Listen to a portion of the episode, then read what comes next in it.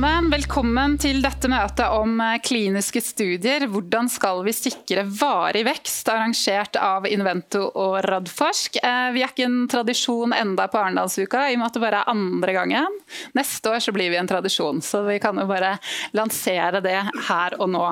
Eh, mitt navn er Elisabeth Kirking Andersen. Jeg jobber både for Radforsk og Invento.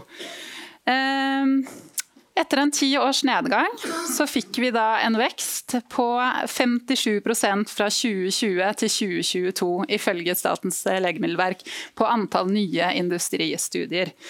Eh, og det er jo fantastisk. Eh, og Invento meldte også om en ny rekord i antall nye industristudier i 2022. Samtidig så ser eh, de vi snakker med i, på sykehusene, at eh, og også industrien selvfølgelig, for det er jo de som kjører studiene, at kompleksiteten i mange av de nye studiene den øker. Eh, det er flere armer, det er mer avansert behandling, det er mer avansert organisering, det er mer avansert logistikk. Så med det som et sånn bakteppe, eh, hvordan kan man da sikre videre varig vekst eh, for kliniske studier? Hva er barrierene, løsningene, mulighetene? Og Det er jo det vi skal snakke om gjennom den neste timen. Eh, med masse dyktige, kompetente folk, både fra industri, fra sykehus og fra forvaltningen. Men aller først så skal dere få en helt sylfersk oppdatering på status for antall industristudier per 8.8. 2023. Siri Kolle, de tallene har du på vegne av Invento og på vegne av SLV. Så 1000-kronerspørsmålet er jo da ser vi en vekst også i år, eller gjør vi det ikke? Du har svaret, Siri, så vær så god.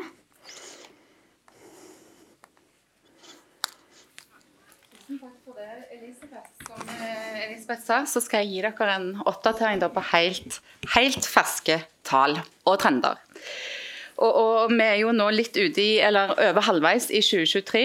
Og, og det at vi er halvveis i 2023 betyr jo òg at vi er halvveis i den femårsperioden som handlingsplanen for kliniske studier gjelder. Så hva ser vi da så langt i år? Skal vi se om jeg holder denne rett. Trykker jeg nå på feil ting? Det kan være. Den veien. Der, ja. Her ser dere en oversikt over antall nye avtaler for industristudier meldt til Invento per år. Og som Elisabeth sa, vi har jo hatt en økning de to siste årene med en skikkelig all time high i fjor, med 207 nye avtaler. Per 8.8., altså forrige uke, så hadde vi 92 nye avtaler. Det er eh, færre enn i fjor på samme tid. Og vi ligger litt over snittet på det som har vært tale tallet på samme tidspunkt i foregående år. Og Fortsetter vi med den samme takten ut året, så ender vi på rundt 150 avtaler. Disse avtalene er for alle typer studier på oppdrag for industri. Og det reflekterer aktiviteten med alle våre helseforetak, altså som dere ser her til venstre, i Helse Sør-Øst og Helse Nord. Vi har òg fått tall fra Legemiddelverket. For da eh, søkte fase 1 til fase 4-studier, og det er både akademiske og industristudier. Og Der ser dere at per 8.8. Eh, så var det 69 søkte studier så langt i år. I fjor så var det totalt 165, så det betyr altså at ca. 60% ut i året så er vi på 40% av fjorårets tall.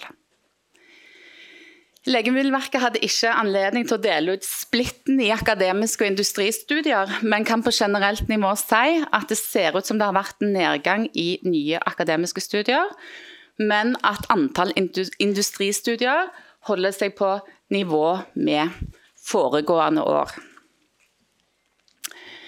Hva andre trender ser vi så? Jo, OS er jo den aktøren i Norge som gjør absolutt flest studier og er i en særklasse. De har i år færre studier enn de har hatt på samme tidspunkt tidligere. Og siden de står for så stor del av volumet, så vil det at de har en nedgang, påvirke totaltallene. For de andre helseforetakene så er det små variasjoner.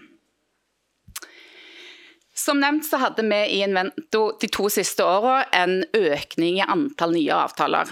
Og den økningen den skyldes primært en kraftig økning i fase 3-avtaler. Og Det som er spesielt i år, er at vi er faktisk eh, nede på et lavere nivå enn før handlingsplanen når det gjelder nye fase 3-studier og avtaler.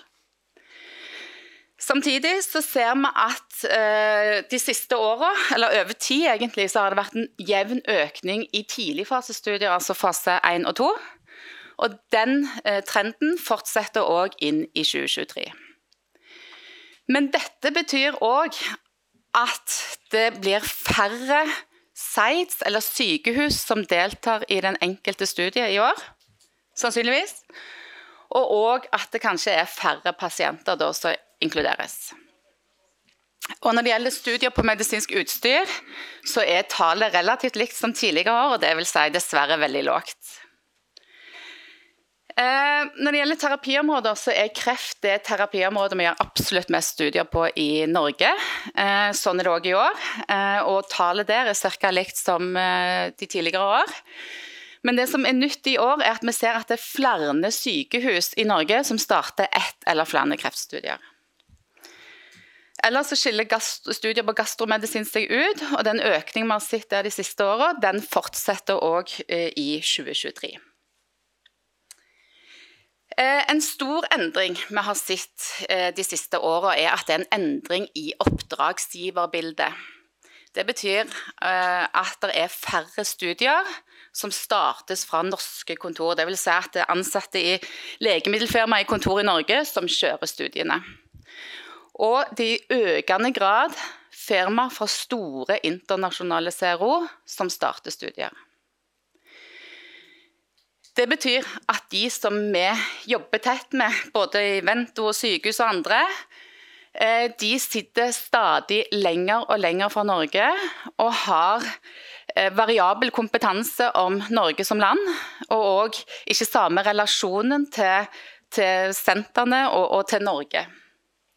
Dette med å bidra til økt kompleksitet i gjennomføringen av studier. Og det, sånn er det også at De studiene vi får til Norge, eller de studiene som er i 2023, de er komplekse både med avansert design, avansert behandling. Vi ser at det er økende grad av digitale portaler eh, som tas i bruk, som senter må bruke per studie. Og, vi ser òg en økning i eh, bruk av desentraliserte elementer, sånn som hjemmebesøk. Og alt dette i sum gjør at det blir mer ressurskrevende for de aller fleste terapiområder å gjennomføre studier. Så det er noe annet, eller mer krevende å kjøre en studie i dag enn det var bare for fem år siden. Så hva betyr da denne utviklingen? Jo, det er veldig vanskelig eh, å, å, trekke en konklusjon eh, når året ikke er ferdig ennå. Ser vi på historisk, så er det store variasjoner i innmelding av avtaler og tidspunkt på dette. Og Det som særlig er utfordrende i år, eller kan være med å påvirke tallene, er at for eh, legemidler har kommet et nytt regelverk med en ny søknadsportal. Og Det ble innført i slutten av januar i år. Og vi vet at firmaene har hatt ulik strategi på om de valgte å gå med den gamle løsningen, eller om de gikk for det nye. Og det kan ha påvirka fordelingen mellom 2022 og 2023. Men det vi vet, er jo da at de første to åra i handlingsplanen så har vi sett en vekst. Eh, og så ser det ut som det kanskje kan bli utfordrende å få, basert på det vi vet i dag, eh, ytterligere vekst i år. Det kan være flere grunner til dette. Eh, en grunn kan være eh, altså, kapasitet til å gjennomføre studier. Det er krevende. Det har alltid vært en utfordring. Vi ser nå at studiene blir bare mer komplekse og krevende. Og I tillegg så er det utfordrende å få til da, vekst over tid. Eh, en annen faktor er det at vi vet at mange, mange firmaer fortalte til oss at Norge var blitt mer attraktive som studieland og fikk tildelt flere studier pga. at vi håndterte koronasituasjonen så godt. Nå er de andre landene oppe og står igjen, sånn at den fordelen har, ikke, har vi ikke lenger. Og Det kan jo eksempelvis påvirke våre fase 3-tall. Eh, ellers så er det jo òg stor internasjonal konkurranse om disse studiene. De fleste land jobber for å få flere studier, og vi ser òg det at flere firmaer har lagt ned sin virksomhet i Norge de siste åra, mange store aktører. Og selv om det er enkeltaktør eller flere som har vekst, så er ikke den veksten stor nok til å kompensere bortfallet fra disse store aktørene. Og så er det jo sånn at Alle tiltak og, som vi gjør i, i handlingsplanen og, og, det som nå er satt i gang, tar tid, så er det ikke sikkert vi ser helt effekten av det ennå. Så Derfor er det jo fortsatt viktig at vi oppretter trykket og jobber målretta med tiltak. Og I lys av uh, utviklingen vi ser, så tror vi det fortsatt være veldig viktig da, at vi jobber målretta med leveranse. Det gjelder alle ledd som er involvert i studien, og det gjelder i alle deler av studien. Vi må svare ut feasibilities, vi må være raske, og vi må inkludere de pasientene vi har lovt. Det er utrolig viktig å bygge kapasitet i sykehusene. og Det gjelder både kompetanse om studier, men òg ha tilstrekkelige ressurser til å kjøre studiene av 2023. Og Det å bygge kapasitet det er en investering. Vi må redusere flaskehalser, og særlig særnorske flaskehalser. Vi har en serviceavdelingsproblematikk og en prosess rundt personvernvurdering, bl.a. Vi må effektivisere og forenkle prosesser. og Det gjelder både i sykehus, men òg hos industri. Eh, det har blitt så krevende å gjøre studier, eller, og mange firma har forenkla mye internt hos seg sjøl. Nå er det òg viktig at den forenklingen skjer hos eller det, det, systemet som blir lagt på Seita, sånn at det er mulig å håndtere et volum av studier. Og jeg tenker også at nye utprøvere faktisk har lyst til å ta studie nummer to, at det ikke er for krevende. Og det med at vi nå kanskje ser færre kontor i Norge som kjører studier, og de som gjør dette sitter lenger og lenger fra Norge, gjør at promotering og innsalg i firmaene og CRO-ene blir ekstra viktig. Yes, takk for meg.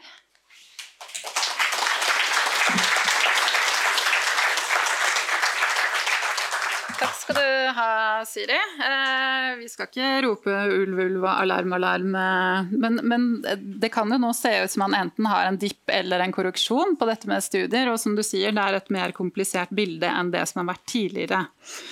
Men, eh, og dette skal vi også da debattere to paneler eh, snart. Men aller først. Eh, hvordan er egentlig hverdagen til de som håndterer de kliniske studiene på sykehusene? Og jeg snakker da ikke om studiesykepleierne eller klinikerne, som også het essensielle, men jeg snakker om forskningsadministratoren. Den som da er bindeleddet mellom Invento og industrien eller CRO-en. Eh, kreftklinikken ved Oslo universitetssykehus huser da den største enheten i Norge, kanskje i Norden. Eh, for både kliniske industristudier og akademiske studier. Og leder for denne enheten, Kirstin Torin Hagene, hun har jobbet lenge med administrasjon av kliniske studier.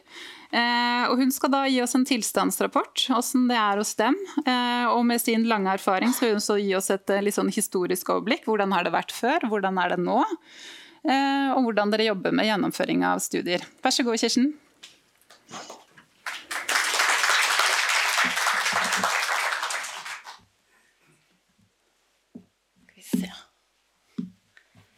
Takk for invitasjonen. Kjempespennende å være her på Arendalsuka for første gang og få snakke om et så spennende tema.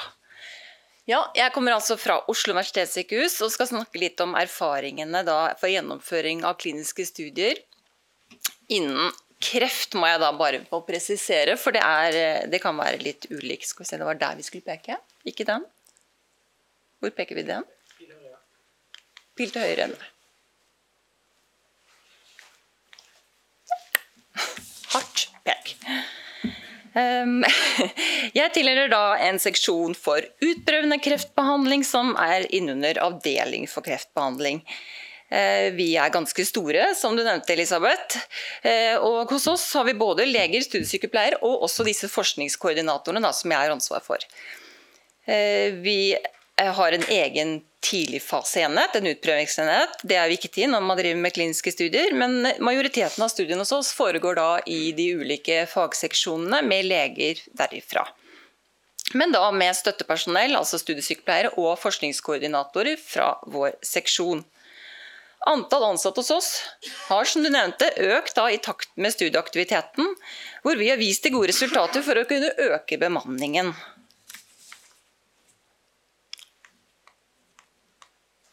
Og eh, bare sånn litt historikk da, så startet altså utprøvingsenheten i 95 med to ansatte. I dag er vi 60 ansatte som kun jobber med kliniske studier. Det sier også litt om hvor krevende de kliniske studiene er. Vi har 90 åpne kliniske studier i dag.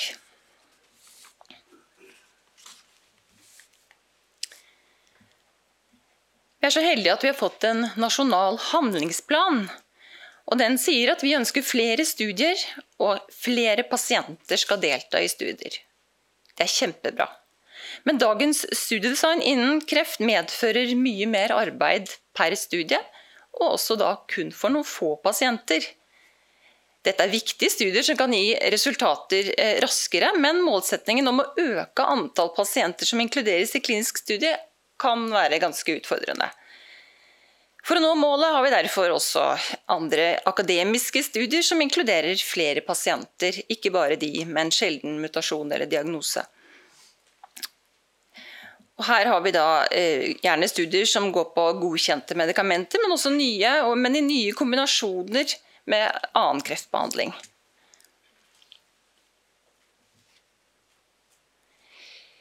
Men det er viktig å si at vi ønsker eh, selvsagt tilgang på mange nye eh, behandlinger til pasientene våre. Og med det så trenger vi nye kliniske studier. Men spørsmålet er da kan vi klare å nå målene slik vi er rigget i dag? Ops, går tilbake. Jukset. Sånn. Eh, denne grafen viser tall som jeg har fått fra Siri på innmeldte oppdragsstudier for vår avdeling i de siste ti årene. Og Man ser her at det er ganske stabile tall nå de siste årene, i hvert fall, og det er bra. Eh, men vi opplever det kanskje som flere studier enn det er pga. kompleksiteten studiene er i dag. I tillegg til disse studiene så har vi også en økning i antall akademiske studier hos oss, og gjerne da multisenterstudier. Og mye av dette er bidragsstudier fra industrien, hvor de bidrar med legemiddel. Men eh, det er ressurskrevende å kjøre slike multisenterstudier. Og neste kurve. Nå kommer den. Her har jeg da prøvd å slå sammen oppdragsstudier og akademiske studier, antall studier, da siden 2019. Og Den sorte linjen viser da dette her, og den ligger da selvfølgelig da litt bak studiene på den første grafen, som viser innmeldte studier til Invento, mens dette er når de faktisk starter opp hos oss. Og der er det jo naturlig nok en viss forsinkelse. Den oransje linjen viser da antall pasienter, gjennomsnittlig antall pasienter som er inkludert per studie. Og det Vi ser er at vi har hatt en liten dipp i 2022. Eh, det kan kanskje skyldes eh, at vi har hatt en pandemi. Eh, det var ikke så lett å starte opp nye studier i pandemien. Vi fikk heldigvis lov å opprettholde de studiene vi hadde. Men pasientene måtte også da Vi fikk kanskje ikke lov å inkludere like mange nye pasienter. Så jeg tror nå at det har vært en liten dipp pga. en forsinkelse i oppstart av kliniske studier under pandemien. Og så har vi nå hatt pasienter på vent, om du kan kalle det det, som har boostet inn da i 2022 på slutten. Sånn at vi fikk en oppgang der. Men det vi nå ser er at vi i hvert fall går litt opp i antall studier igjen, og det er kjempebra. Men pasientantallet går faktisk ned. Og det tror kanskje jeg skyldes den kompleksiteten som kliniske studier er nå, med så få pasienter per studie.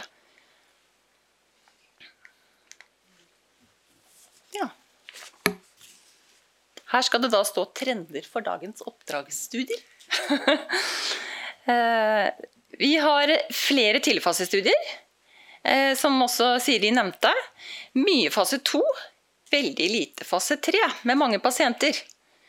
I En studie er ikke lenger bare én studie, men kan ha opptil ti armer.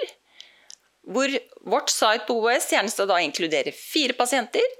Og så har vi ti armer, ergo det blir ikke én pasient per arm en gang. Og dette er veldig arbeidskrevende å fasilitere for. Og eh, krever mye jobb før oppstart. Som Siri nevnte, så benytter vi også, eller det benyttes oftere nå CRO-er til å drive de kliniske studiene. Her er ansvaret kanskje mer fragmentert, og til tider eh, virker det som det er en lang beslutningsvei. Eh, og alle har ikke ansatte i Norge som kjenner av de norske reglene, vårt sykehussystem, og hvordan det fungerer, og kvaliteten vi yter.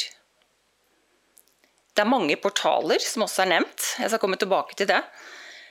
Og det er dessverre også stadig et bytte av monitorer som skal da kvalitetssjekke de kliniske studiene. Og så ser vi også at det byttes sponsor og CRA, og det er mindre støtte å få på site nå fra sponsor og CRA. Og så kan det virke på oss som at sponsor og CRO lager systemer som gir merarbeid for sites. Og argumentet er gjerne da at vi er så store, vi firmaene, at vi har våre systemer. Og det kan vi jo forstå, men vi har også våre systemer. Men vi skal prøve å tilpasse oss. Og så har jeg et uh, lite punkt her til slutt, som kanskje er litt uh, upopulært å si. men eh, vi har et inntrykk, eller spørsmål egentlig fra meg, er om sponsor og CRO har nå mer fokus på interne, nyttige prosedyrer eh, og papirdokumentasjon enn på selve datakvaliteten og pasientbehandlingen. Men nå ser jeg selvfølgelig dette fra sykehuset sin side. Ehm, det er bare liksom fokusskifte. Ja. Der. Og jeg sa jeg skulle komme tilbake til disse portalene. Dette er et lite bilde på økosystemet vårt. Hvor eh, våre studier kan, For å fasilitere for de, så kan det være at vi må involvere opptil 14 avdelinger på sykehuset for å kunne følge protokollens prosedyrer. Jeg tok et lite blikk på antall eh, oppdragsgivere vi har hatt de siste ti årene. og Da kom jeg opp i hele 98 ulike oppdragsgivere. 64 av de var firmaer. Det er forskjellige CRF-løsninger. Vi skal forholde oss til alle. Og så er det disse portalene, da, som jeg nevnte. Én eh, studie kan da bruke opptil ti ulike slike portaler. Hvor site skal ha treninger og lage profiler og gjøre, få tilganger, sånn at sponsor får dataene de skal ha, selvfølgelig. Og det er tidkrevende. Eh, markedet er stort, og hvert firma har da sine preferanser. Og site har også sine preferanser, men må selvfølgelig da forholde seg til våre oppdragsgivere. Og det er tidkrevende. Og da spør jeg meg Vi er store, vi har 60 ansatte, og vi sliter med å få tiden til å strekke til. Hvordan skal da de mindre utprøvingsstedene med mye færre ansatte klare å få til dette? Jeg er imponert. Så det, jeg tror det er en utfordring. Og da er spørsmålet hvilke løsninger sikrer god datakvalitet? Er det noe som ikke gir noe gevinst, så kan vi kanskje i hvert fall kutte de, da.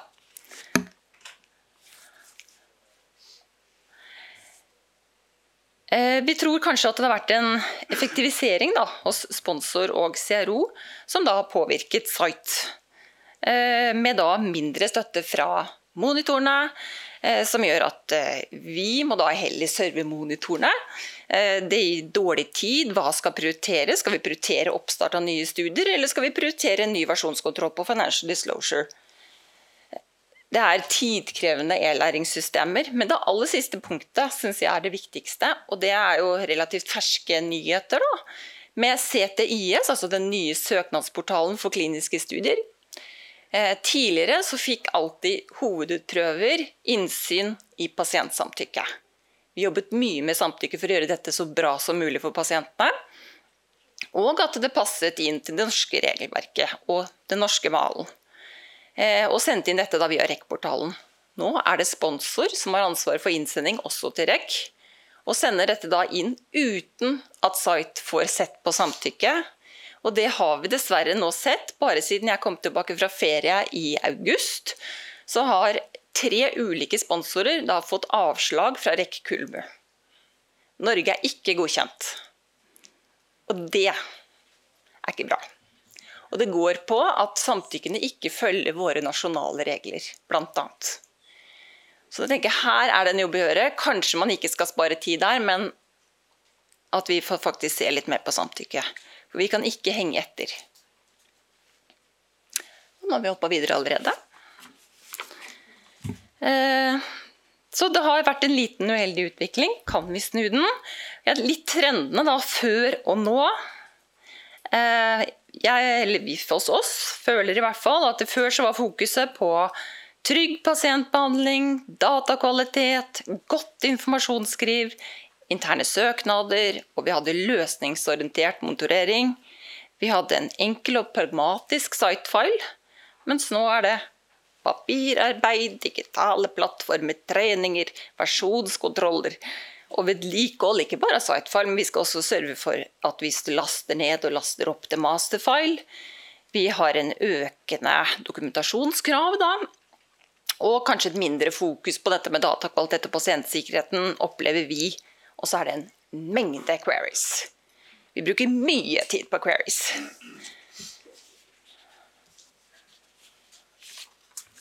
Så hva må til for å få til mer vekst? Så denne siste sliden min, eh, nå håper jeg det siste, ja, eh, det er eh, en delvis oppsummering. Og da tenker jeg helt fra tidlig av så er det viktig med en forventningsavklaring. Hvem gjør hva? Viktig å unngå dobbeltarbeid. Sette klare tidslinjer. Og hva er viktig for fremdriften? og gjennomføringen. Ikke alt er like viktig, og noe må prioriteres høyere. Er vi enige om hva som er viktigst? Og så er det selvfølgelig viktig å sette av tid og anerkjenne de nasjonale kravene, og hvem kan de best? Eh, vi ønsker oss selvfølgelig flere systemer og enkelte systemer, men vi har forståelse for at ikke alt det er mulig å gjøre noe med. Men ønsker oss tilbake, da den høres gammel ut, til hvordan det var før, med litt mer støtte fra sponsor og fra monitorene. Eh, og så tenker vi, eller tenker jeg i hvert fall, eh, at eh, OS er kjempestore, og vi har opparbeidet gode rutiner for å også forenkle systemene våre. At det har litt tillit. Stol på at vi også har gode systemer. Og så er det viktig at alle ledd må anerkjenne den arbeidsmengden det er med kompliserte studier, og sikre tilstrekkelige ressurser for at dette skal kunne gjennomføres.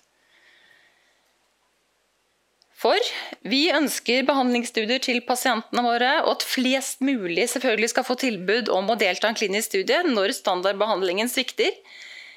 Men da trenger vi drahjelp, både internt og fra oppdragsgiverne våre for å nå dette målet. Og Derfor så tillater jeg meg også da avslutningsvis til å legge til dette siste punktet, eller spørsmålet, om det er mulig å skrive om noe i handlingsplanen, sånn at det også for kreftstudier kan være lettere å oppfylle målene. I og med at vi har så få pasienter per studie nå, så er det litt vanskelig. Men det er en kjempeviktig plan. Takk. Det var meg.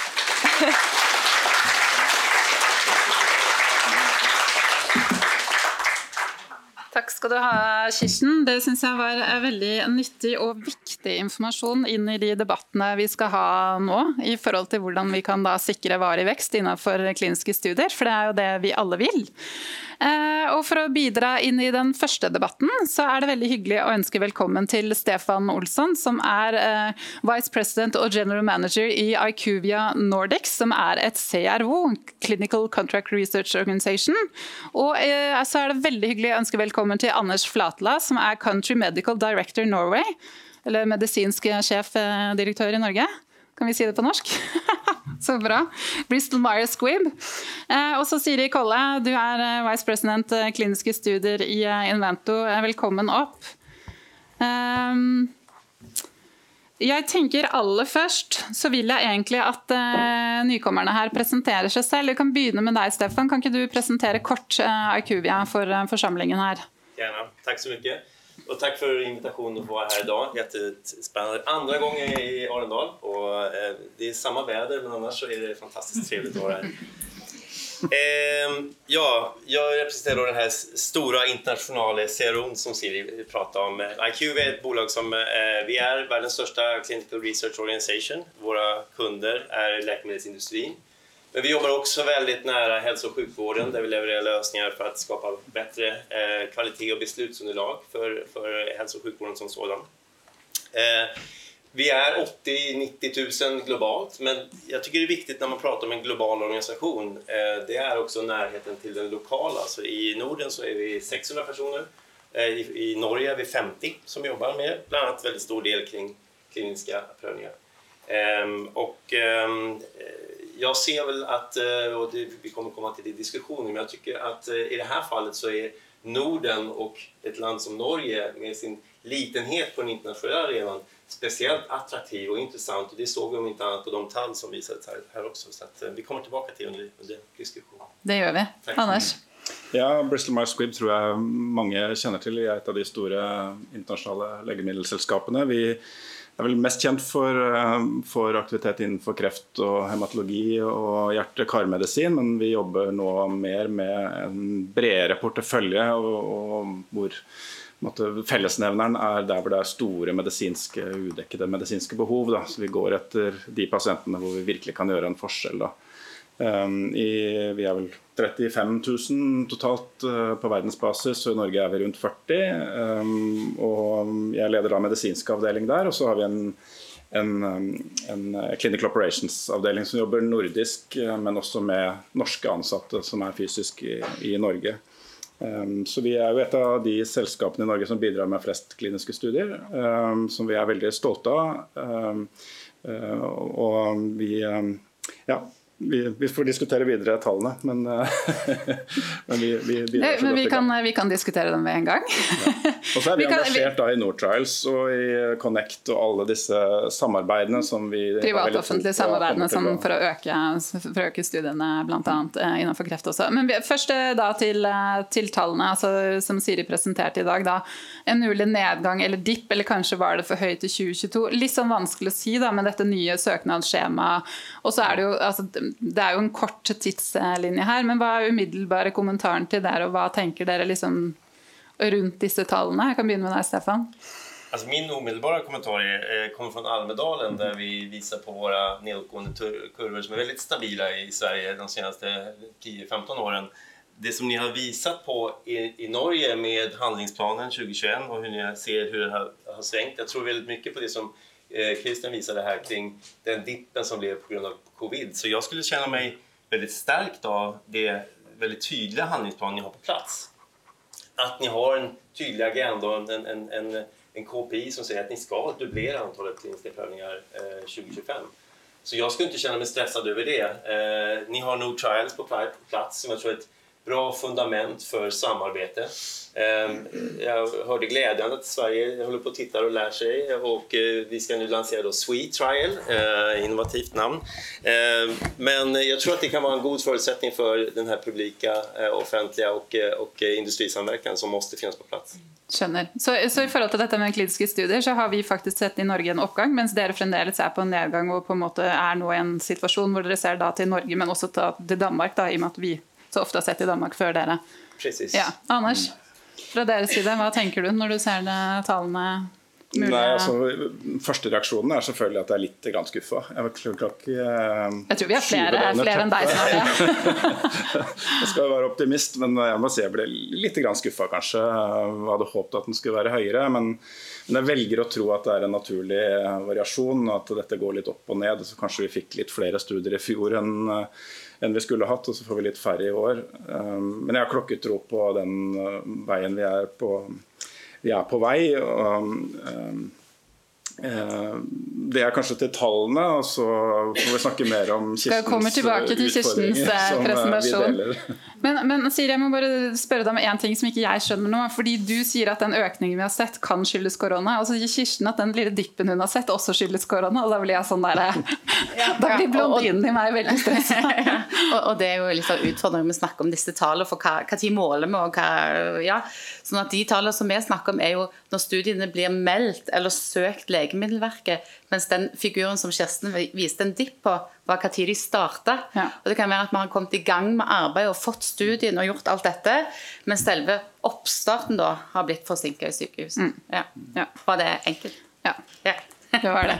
Men da tilbake da, til den hverdagen som Kirsten eh, viser her. Altså, hun viser nå til mer byråkrati. Dere har masse digitale ting som gjør det enklere hos dere. Hos, eh, også, også, monitor som kanskje er lenger unna. Og her tenker jeg da, Hvis man da vil ha en varevekst, så må man jo da sette seg ned og se på hvordan kan man samarbeide. Men, eh, men er dette nytt for dere, det som Kirsten sier her? Jeg ser på deg, Stefan, først. da.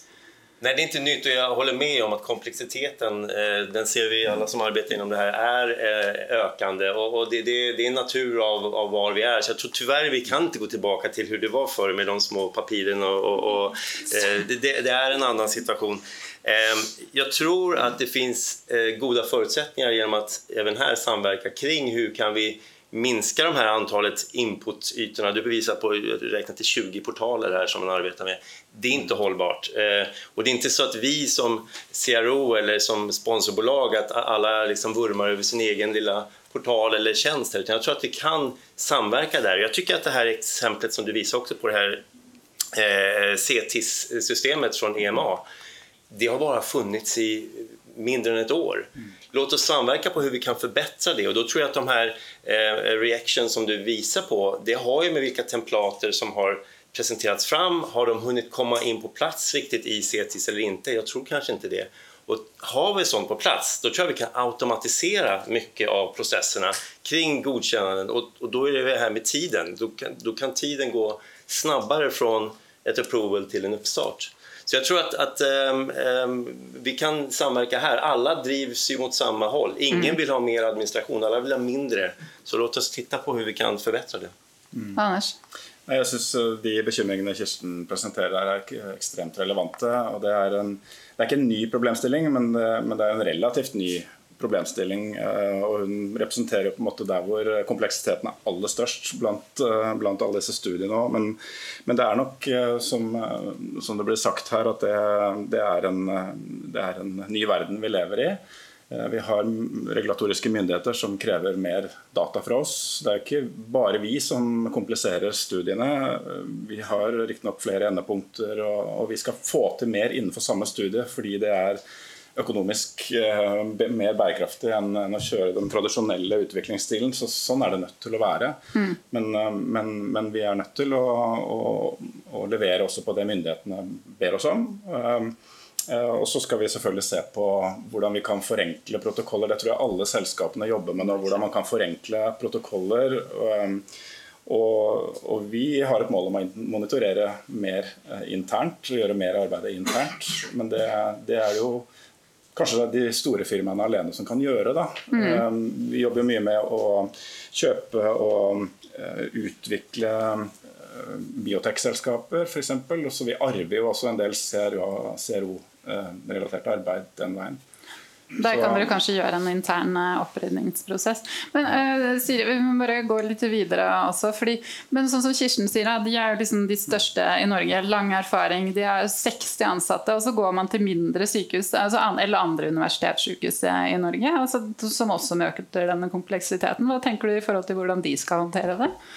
Eh, ja, Det kommer jo da at de sykehusene må òg bygge kompetanse og ha tilstrekkelige ressurser, og så dra nytte av erfaringen gjort av andre. og Da er det òg veldig viktig at vi har sånn sentrale enheter de kan kontakte Inventor, det er Nortrials og andre sånn forskerstøtteenheter som en kan, kan dra på. For det er klart det at vi har fått en del frustrerte telefoner fra utprøvere som starter sin første studie og, og blir kontakta eh, ja, altså Det er veldig overveldende, og de har ingen å lene seg på. Så jeg tror disse støttestrukturene som eh, er veldig viktige, for jeg er helt enig. Det er ingen vei tilbake med, med CRO-er og måten vi er organisert på. Eh, det, det, er sånn det er. Og så tror jeg òg det at vi, vi er nok et land, Ser vi på andre land, vi har en dialog med andre, så har vi nok mer færre, eller mindre stedlig tilværelse av firma. Så studier som kjøres av firmaene lokalt i andre land, de håndteres av CRO-er i Norge. og dette, Dermed så blir disse på en måte utfordringene forsterket hos oss. Ja, nettopp. Og så må jeg bare ta opp det der med samtykkelovgivningen. For det, sånn kan man jo ikke ha det. At man ikke får studiene til Norge fordi det blir noe gærent i samtykkelovgivningen. Så det tenker jeg, det må dere bare rydde opp i. Ikke sant? det vil løse. ja, det er bra. Men eh, altså, det, hvis vi holder liksom den, litt den optimistiske hatten på, da, altså, vi ser liksom at vi har denne, hatt denne fantastiske veksten på 57% fra 2022 til, 2020 til 2022, og så ser vi liksom videre. Vi vil fortsette å ha denne veksten. Hva, hva må vi gjøre mer av? Hva, hva slags uh, unike muligheter har man som Norge? Du må gjerne strekke i Norden også, Stefan. Jeg kan begynne med deg. Ja, men du gjør gjerne det. For, for eh, jeg tror jo, og da tar jeg virkelig nordiske perspektivet, vi har mange unike fordeler eh, i vårt enskilt land, men også som region. Vi har eh, unike personnummer, vi har longitudinelt data fra eh, decennium tillbaka. Vi har kvalitetsregister, biobanker och så vidare. Det är sånt som inte många andra nationer har. Jag tror att kan vi arbeta tillsammans som länder, vi har alla nationella life science-strategier, men kan vi arbeta tillsammans med att se att vi har lite samma metodik, hur vi jobbar med till exempel ehm, eh, etiska eller hur vi jobbar med nomenklaturen inom våra eh, protokoll och så vidare. Då tror jag att vi kan se ut som en mer eh, attraktiv region. Speciellt om vi pratar kring rare disease-området. Eh, man behöver kanske en population på 20 miljoner mm. eh, individer och vi blir 27 så jag tror att där finns det stora möjligheter. Jeg jag tror också, eh, om vi tar enskilt land och Norge, med den här närheten ni har, ni, alltså, som, som när vi jobbar som CRO här, vi vet vilka läkare det är, vi vet vilka kliniker vi arbetar med. Det, det, det, den intimacyn, det gör ju att man kan konkurrera mot stora länder som Kina, Indien och USA. Ehm, jag tror att lite grann det var en kommentar från Christian där också att, att CRA kanske inte är så mycket ute på klinik som man var tidigare. Det tror jag är också någonting man kan tillsammans arbeta med för att ofta kanske det är så att en CRA som är ute på en klinik får fem minuter på slutet av arbetsdagen og då har man spenderat en dag och man kan, har vi sett nu, arbeta väldigt bra på det här hybridsättet som vi har lärt oss göra under, under pandemin.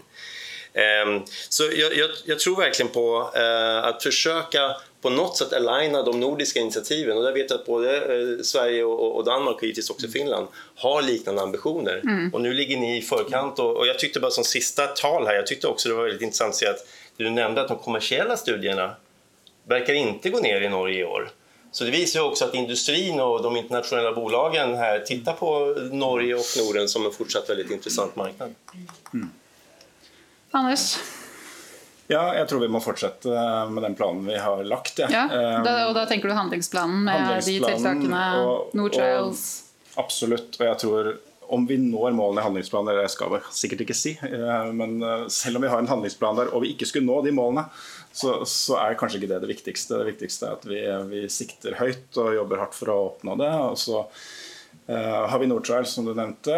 og der har vi faktisk en, en, en, beslutning i styret på at vi skal uh, systematisk kartlegge flaskehalsene. og Det tror jeg vi har en mulighet til å løse. Så kan du si å sortere hvilke, hvilke flaskehalser ikke er mulig å gjøre noe med, som vi konkurrerer med alle andre land i verden på.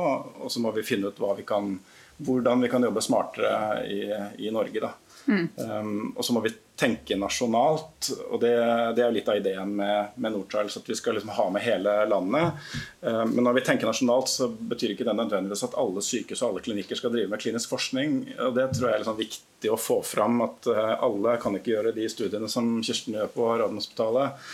Uh, så det er kanskje en kulturutvikling vi trenger også. Kanskje vi skal tenke litt mer henvisningspraksis, og at man Eh, at det ikke er et NM, men det er et OL vi deltar i. Mm, ja, fordi når vi snakket på forhånd før dette møtet, så sier du at den konkurransen som dere ser nå altså mellom de ulike, altså globalt da, for å tiltrekke studien, den er enda skarpere enn før? Den er mye sterkere ja. enn før. og det er ikke bare, altså USA sliter jo fælt, um, men det er Kina og Japan, og nå er det Øst-Europa som tar studiene de skulle hatt. Mm. sånn at uh, det nåløyet for å få være med på studier det er enda mindre enn før. Ja. Uh, og det blir færre pasienter enn før. Men, mm. så, og Protokollene blir jo mer globale. Man skal ta hensyn til regulatoriske myndigheter i mange flere land enn før.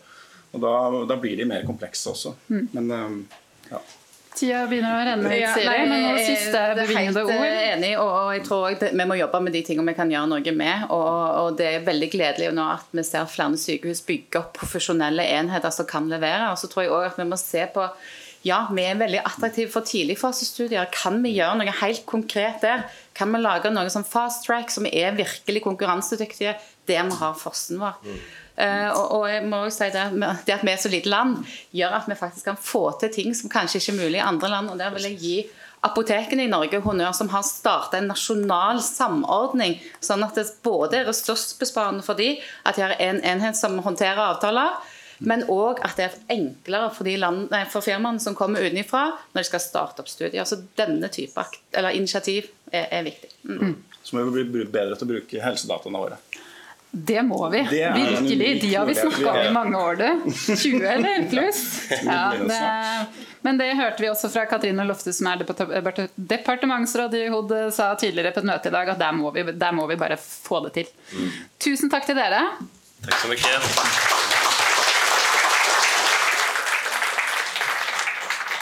Men det er ikke ferdig, altså, så dere må ikke gå. Eh, vi skal ha enda en panelsamtale. Vi skal snakke videre om dette her med, med, vekst og hvordan vi skal få det til. Eh, og det er veldig hyggelig å ønske velkommen til Helge Røsje, som er forskningsdirektør på Ahus. Bare kom opp og ta en plass, og så tror jeg jeg skal flytte over en mikrofon, så vi har en mikrofon til alle. Sånn. Snakke og gjøre ting samtidig, det er ikke min sterkeste side, men. Eh, Marianne van der Weel, eh, spesialrådgiver i eh, HOD og også ansvarlig for handlingsplanen for kliniske studier. Eh, Mikael Engsig, eh, administrerende direktør i Nycode Therapeutics. Mange som sier Nykode, Mikael, men jeg har lært at det er Nycode, ikke sant? Ja. Eh, Nicolas Vauchelet Baus, som er nordisk forskningssjef i Novartis for helsedata og biobanker. Og Gøran Hjelmeset, der var du. Eh, som har den lengste tittelen, som skal holde tunga rett i munnen. Seksjonsoverlege ved hormon, overvekt og ernæringsavdelingen. Som er en del av forskningsseksjonen ved Sykehuset i Vestfold. Og professor ved Universitetet i Oslo. Og så tror jeg veldig mange kjenner deg fra mediene, og ikke minst eh, Furuseth, som har gått på norsk TV ganske nylig. Eh, aller først, eh, dere må få muligheten til en kjapp introduksjon av eh, de dere representerer her. Vi kan begynne med deg, Mikael. Nycode. Ja, Nycode er jo et, et, et uh, norsk eh, funderet og baseret biotekselskap der primært arbeider med immunterapi innenfor onkologi, infeksjonssykdommer og autoimmunsykdommer. Så um, basert på forskning der foregikk i, i Oslo i tidens morgen, og med hovedkontor her i Oslo og med et uh, mindre kontor i Danmark. Ahus, Helge? Ja, Akershus universitetssykehus er uh, Norges største akuttsykehus. Har et uh, opptaksområde på nesten eller over 600 000 mennesker. Og er et universitetssykehus som da driver uh, utstrakt klinisk virksomhet, selvfølgelig. Forskning, utdanning og innovasjon. Mm. Marianne Hod, ja. kjent for de fleste sikkert, men Ja, jeg kan likevel si hvem vi er. Vi jobber i Helse- og omsorgsdepartementet, uh, som har uh, sektoransvar for helseforskning. Vi finansierer klinisk forskning gjennom de regionale helseforetakene, Forskningsrådet og Helsedirektoratet. Og der jobber jeg med utforming og oppfølging av regjeringspolitikk på dette området og andre tilgrensende områder. Mm. Nicola Novartis. Ja. Ja, jeg jobber i Novartis da, og vi, vi, pleier å si at vi er et nyskapende legemiddelfirma. Vi da. Så, og det gjør vi fordi vi var først ute med cell- og genterapier. Ja. Og så jobber vi også nå bredt på veldig mange ulike områder. Eh, og De siste årene har vi jobbet veldig mye med partnerskap, så vi har veldig mange samarbeid vi er engasjert i. Det kommer vi litt mer tilbake til i løpet av møtet her. Mm. Og så satser vi nå de siste fem-seks årene vi bygd opp en ganske stor avdeling som fokuserer veldig mye på register- og biobankforskning. For da ser vi noen fortrinn i Norge og Norden. I fjor investerte vi ca. 7,5 millioner kroner i FoU-aktivitet i Norge. Hva gjør han til slutt? Sykehuset Vestfold. Ja, jeg jobber ved Sykehuset i Vestfold, som satser veldig mye på forskning. Og for å få mer forskning på både industrinivå og akademi, akademisk forskning. Eh, også pengemessig. Eh, jeg har en toårsstilling, professor to-stilling på Universitetet i Oslo. Og jeg jobber med kanskje en av de mest vanlige kroniske sykdommene i Norge, nemlig fedme. Takk skal du ha. Eh, Marianne, vi går rett på deg. Handlingsplanen for kliniske studier. Sett i forhold til den målsetningen, hvis jeg har klart å regne riktig, så er det målsetningen 288 studier i 2025, 5 eh, pasienter. I lys av de presentasjonene fra Siri og også det som Kirsten sier her om kompleksiteten, kanskje flere fase 1-studier. Altså nå snakker vi kreft her, for jeg vet at det ikke er sånn på fedmeområdet, Gøran. Men også da færre, færre pasienter. Um, Si litt om hvordan dere jobber nå, og hva du tenker om det som kom fram her. Ja, jeg kan si det litt generelt først. Vi opplever jo at handlingsplanen, altså både prosessen, produktet og egentlig aktiviteten i kjørvannet av den, har satt, altså bidratt til å sette kliniske studier på både den politiske og den faglige dagsordenen. Eh, vårt inntrykk er at eh, det skjer mye der ute, at det har en effekt på tjenestene. Eh, vise til noen eksempler, så jeg kan tillate meg det. Eh, det ene er program for klinisk behandlingsforskning. Eh, det er tildelt 1 milliard kroner gjennom dette programmet til nasjonale kliniske behandlingsstudier. Eh, og dette er jo en langsiktig satsing i grenseflaten forskning klinisk praksis og et viktig virkemiddel i oppfølgingen av handlingsplanen. Eh, vi har de regionale helseforetakene som er aktive i oppfølgingen av handlingsplanen, og styrene som etterspør aktiviteten. Eh, og det er mange aktører som følger opp. Jeg kan også nevne Forskningsrådet og deres virkemiddel på eh, FKB-sentrene. Og også ikke minst på den europeiske arenaen for kliniske studier er en satsing i Horisont Europa. Vi ser både i flere partnerskap og også Mission Cancer. Eh, og Statens legemiddelverk eh, har jo også fått en økt eh, tilføring av midler for å møte nettopp denne veksten i studier som vi har sett, og også for å rigge seg for å møte økningen i kompleksiteten i studiene. Og så har du Nortrias-samarbeidet, som på en måte er flaggskipet i satsingen på industristudier. Eh, og Der ser vi også at eh, det nå er etablert disse seks Nordtrial-sentre, ett ved Ahus og de fem øvrige universitetssykehusene, hvor det er mye møtevirksomhet både regionalt, men også mye på den internasjonale arenaen, som er kjempeviktig for å tiltrekke nye firmaer til at de legger sine studier til Norge. Eh, så det, det, skjer mye på ulike fronter hos ulike aktører. Og det er jo et komplekst økosystem, dette også. Eh, og vi er avhengig av at alle delene virker, og at det er et godt samvirke. Og så eh, følger vi også med på tall og trender. Eh, og det er jo vanskelig som vi har vært inne på allerede her, å si noe om utviklingen og status. Men det vi i tillegg måler, er jo også antall pasienter som er inkludert i kliniske behandlingsstudier ved sykehusene, som er en undergruppe av kliniske studier. Og det vi så i fjor, var at det var eh, altså 19 000, nesten 500 pasienter som var inkludert i slike studier, og det var mer enn 4000 flere enn i 2021. Så blir det spennende å se hvordan den målingen også blir nå i år, når vi ser at det, det er færre fase 3-studier eh, som pågår. Eh, men det, det, jeg tenker jo at det er, eh, som vi også har vært inne på, at her er det veldig mange ting som er i prosess, og dette tar tid. Det er et nitid arbeid. Mm. Og vi må ta oss tiden til å få etablert den kompetansen og de strukturene vi trenger. Eh, og så må vi eh, gjøre evaluering. også fortløpende, men også litt fremover i tid, for dette, dette må få virke. Det må få virke litt ja, til. Og dette men... er ikke et prosjekt som vi bare nå har satt i gang og skal gjennomføre og avslutte. Dette Nei. er en varig endring. ja, ikke sant? Til, så etter 2025 så skal man jo fortsette. Ja. ikke sant? Det blir litt sånn som Anders sier, kanskje målet i seg selv er ikke å nå disse 288 studiene i 2025, men at man da skal videre. Men det er jo viktig å ha de riktige tiltakene. da. Ja. Kan jeg bare si en ting til? Ja. målet, vi har jo den målet om dobling av studier, så har vi også dette målet på eh, andel pasienter som deltar i kliniske behandlingsstudier. Og det var altså 5% har vi satt som mål. Eh, og da vi gjennomførte denne målingen nå, som direktoratet gjennomfører for oss årlig, så var andelen i fjor på 3,2 så det er i hvert fall en, en, god økning fra forrige år. Mm. Så vi er jo tett på oppfølgingen, så får vi se hvor vi lander. Ja, ja. Kjempebra. Eh, Helge Ahus har jo satsa stort på eh, kliniske studier de senere årene. Har bygd opp en stor forskningsinfrastruktur. Kan ikke du si litt om hvordan dere jobber med å få flere studier til, eh, til dere? Ja, AS har eh, forankret dette helt opp i styret, egentlig. At vi ønsker å ha det som et hovedmål, øke kliniske studier.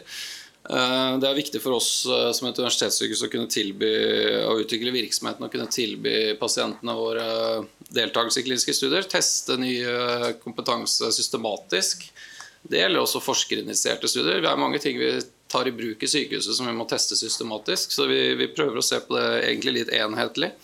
Og, da å kunne mm, følge opp eh, det her i et struktur. Så Derfor har vi prøvd å bygge en forskningsinfrastruktur som skal kunne være mot, en mottakerapparat både for industristudier, men også hjelpe forskerinitierte studier, slik at vi både raskere kan gjøre en god bedømmelse om vi kan levere på studiene, og selvfølgelig også da gi et riktig anslag av antall pasienter og tid, og, og et budsjett som vi mener er riktig da, i forhold til våre kostnadsviljer. Så det, det, har vært et arbeid som vi har, uh, har, gjort over tid, i samarbeid selvfølgelig med de andre tingene. Nordkrin er det ingen som har nevnt kanskje hittil. Det har også vært et viktig arbeid over to runder som vi har deltatt i, og vi har lært mye av, av uh, våre samarbeidspartnere. Så jeg tenker at det er mye, mye, læring der. og Jeg hadde også gleden av å være i Uppsala i Sverige, og de har bygd opp eh, altså et stort forskningsinstitutt som, som, jeg tror vi kan lære mye av på norske universitetssykehus. Så det, det er noe av vår inspirasjon.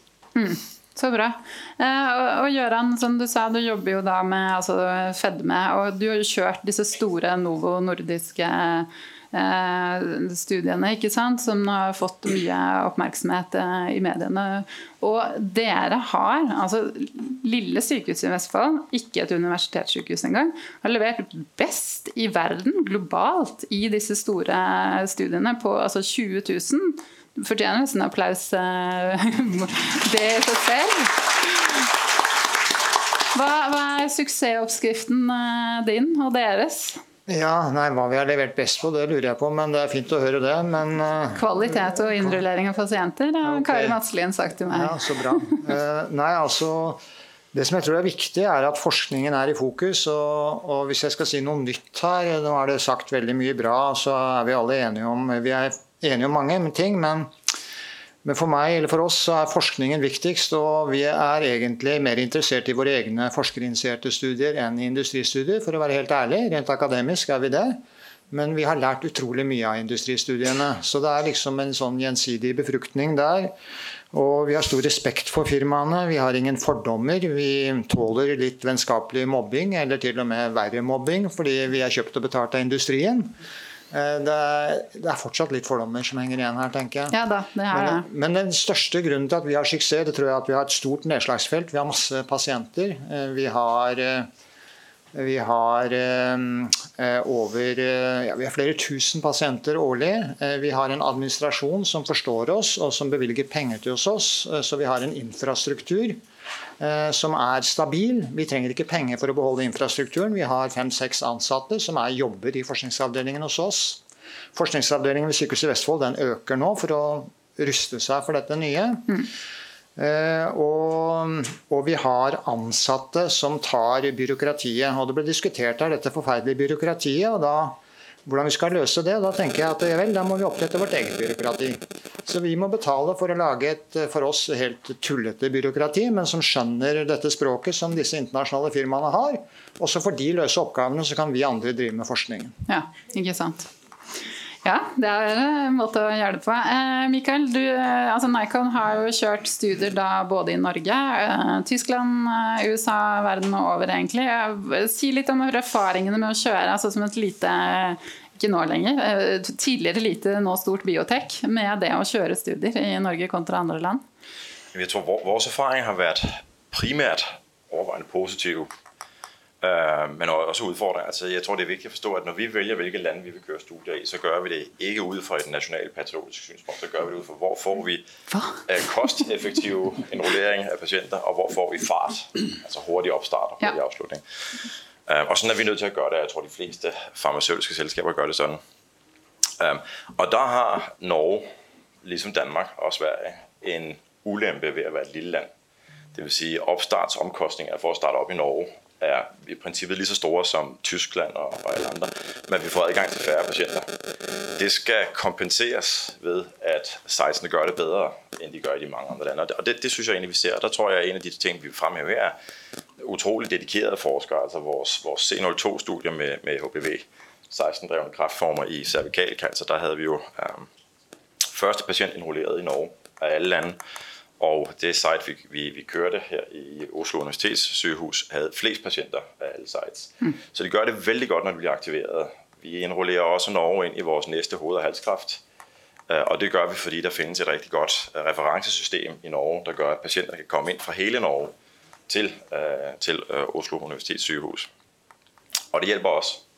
Og der vil jeg godt komme med en, en lille advarsel mot de tanker om at prøve at decentralisere det her alt for meget og sørge for, at alle uh, små sygehus skal køre kliniske studier.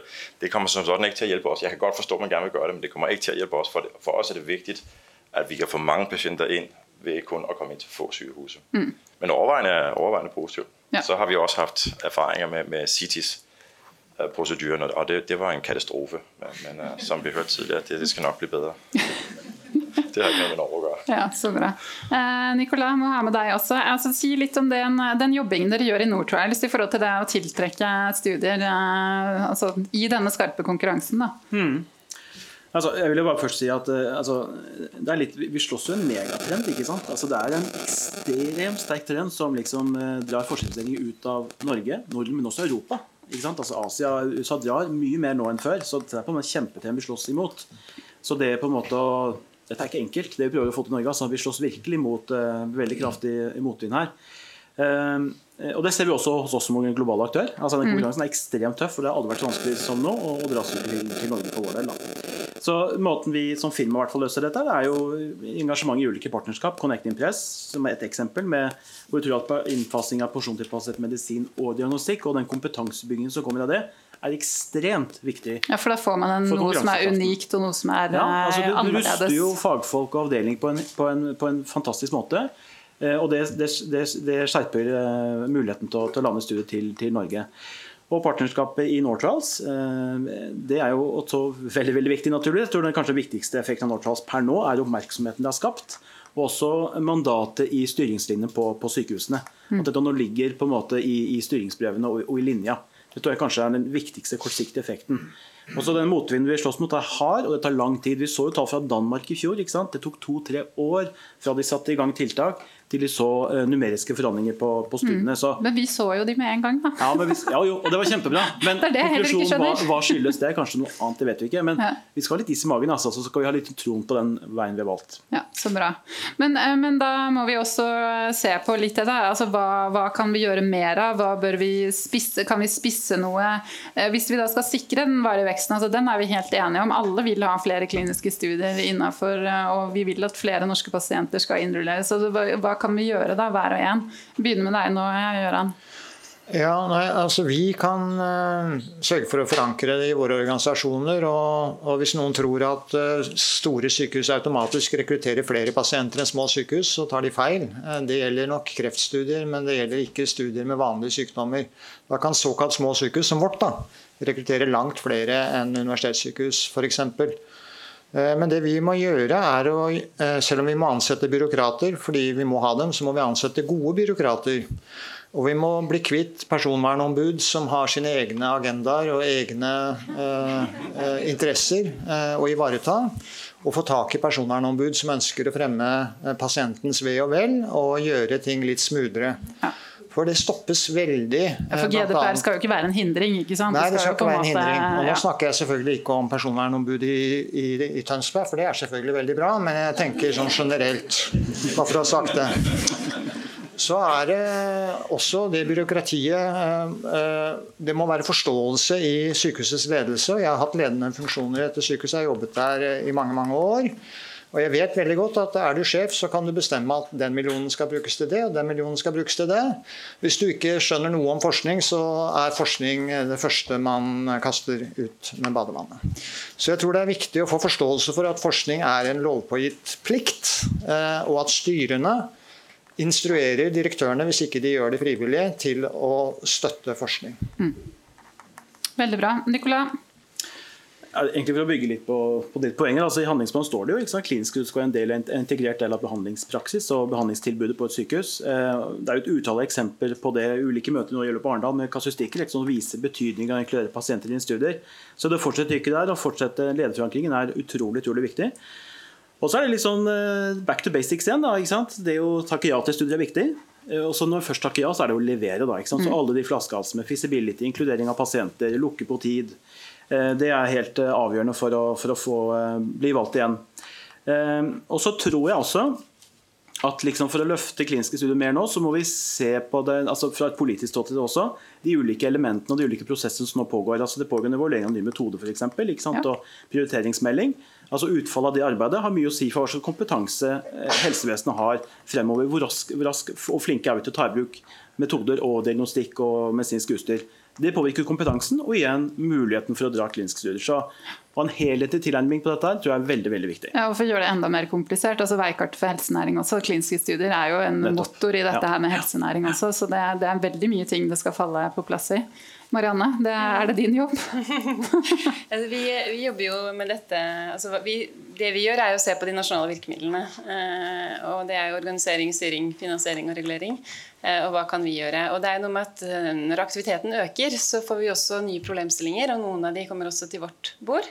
Så vi jobber jo langs flere linjer, egentlig. Og det ene som vi har gjort, er å gi oppdrag, og det er for så vidt et arbeid som også er omtalt i handlingsplanen, men dette med å sikre gode nasjonale fellesløsninger for kliniske studier i sykehusene. Så det handler om digital samtykkeløsning, og det handler om denne sanntidsoversikten som vi ønsker oss for kliniske studier, hvilke som pågår, og hvilke som rekrutterer. Mm. Eh, så der har vi gitt oppdrag i år til de regionale helseforetakene, eh, så det blir litt endringer i måten vi har tenkt rundt den sanntids... Eller i hvert fall ansvaret for den eh, flyttes nærmere tjenesten. Eh, og så vet vi jo at de jobber med sånne sanntidsoversikter også i Danmark. Og i Sverige så har de en veldig fin eh, løsning som heter Hitta kliniske studier. Eh, så vi har også bedt RF-en om å se på erfaringene fra Danmark og Sverige. Ja, For det er ikke noe vits å finne opp hjulet på nytt? Nei, om det er noe vi kan låne enten av løsninger eller måten de har gjort det på i Sverige. Og den dekker også industristudier. Mm. Eh, og så Et annet spor er at vi både i arbeidet med handlingsplanen, men også persontilpasset medisinstrategien og arbeid på helsedatafeltet, og for så vidt også pandemien, eh, ga oss flere tilbakemeldinger på at det var uønskede hindringer i eh, altså det regulatoriske rammeverket for helseforskning i Norge. Ja. Eh, så der eh, ønsker vi å se på det. Og det har vært eh, allerede gjennomført et innspillsmøte eh, som politisk ledelse inviterte til. Eh, vi har fått en del innspill som vi nå ser igjennom. og Noen av innspillene går på samtykke, det går på uavklarte eller uklare roller og ansvarsfordelinger. Det går på tilgang til helsedata eh, og en del andre ting som vi da skal se nærmere på. Mm. Eh, og så er det jo dette med tilgrensende områder. Eh, persontilpasset medisin-strategien ble jo lagt frem tidligere i år. Der er klinisk forskning og dette med integrasjon omtalt som et viktig premiss for at vi skal få til også persontilpasset medisinsatsingen. Um, og så er det dette veikartet som er ventet. Uh, vi jobber med en nasjonal helse- og samhandlingsplan. Så dette er jo noe vi følger opp i annet tilgrensende arbeid også. Mm. Mm. Så det kommer kanskje ikke en revidert handlingsplan, men tematikken lever. I, inn i de ulike ja. ja. Uh, Helge? Ja, jeg syns jo tallene i dag var interessante. Jeg syns på en måte det er bekymringsfullt at de forskerregistrerte studiene går ned. Støtter jo Hjelmeset er jo forsker selv også, så det er jo noe vi eh, ser at vi har jo egentlig rigga oss mer profesjonelt nå rundt industristudier enn vi har gjort eh, mot de forskerregistrerte studiene. Det ønsker vi å gjøre noe med. Vi ønsker egentlig å samkjøre det. Etablere noe som vi kaller for Akershus Clinical Research Center nå, som kunne hjelpe industrien raskere svar og bedre oppfølging av eh, alle miljøene. Og samtidig også kunne tilby forskerne hjelp fra idé til protokoll til gjennomføring. og sånn, Sånn at vi samkjører det, vår satsing. Og ellers deltar vi jo selvfølgelig solidarisk og lojalt til de mer nasjonale tiltakene med Nortrials og er med i arbeidet der. Sånn at vi ønsker å være en viktig del av den, eh, det nettverket som må til da, for at Norge skal bli et attraktivt eh, utprøveland. Mm. Mikael, siste ord til deg ja, om dette. Det, bare å føre videre på det der ble sagt tidligere, at når vi, når vi velger hvilke land vi skal, vi skal legge vores studie i, så er det jo en, et, et, valg mellom mange, mange forskjellige land. Så det er ikke bare viktig at Norge er gode, de skal være bedre enn alle de andre. Skal forbli bedre. Og alle de andre gjør det samme som også skjer i Norge. Uh, så jeg synes det er, er riktig, som vi var inne på tidligere, det er hårdt å køre kliniske studier ude på, studierne, ude på site i dag. Men det er viktig at det blir investeret i å gjøre det nemt at starte studiene opp derude. Altså, så få kompetent personale derude og få dem efteruddannet. Det andet jeg vil sige, det er, nu, nu joker vi lidt med, at det er en katastrofe med CITES-processen. For, for os sponsorer og for og også de lokale myndigheder er det også, eller nationale myndigheder er det også en katastrofe, tror jeg. Men der er også en mulighed i det. Og, og her har man altså, vi er alle sammen ved at finde ud af, hvordan det her det skal virke. Her tror jeg, at Norge har øh, en mulighed for at gøre sig rigtig gode. Mm CITES-prosessen. Um, Bare knekke koden her, liksom. Precis, og være det koordinert, fordi der er alltid et koordinerende land. Uh, og hvis man kan være et godt koordinerende land, så blir man en riktig sjov samarbeidspartner for, mm. for sponsorer. Og så vil det automatisk også være med til å gjøre det mer attraktivt å ligge studier uh, der. Og det er en helt ny måte det kører på, så, så alle er i prinsippet satt tilbake til start. Og det vil si Norge har muligheten for å være med helt, helt fremme her. Um, Jeg tror bare det krever at man velger ut hvilke områder vil man være gode på.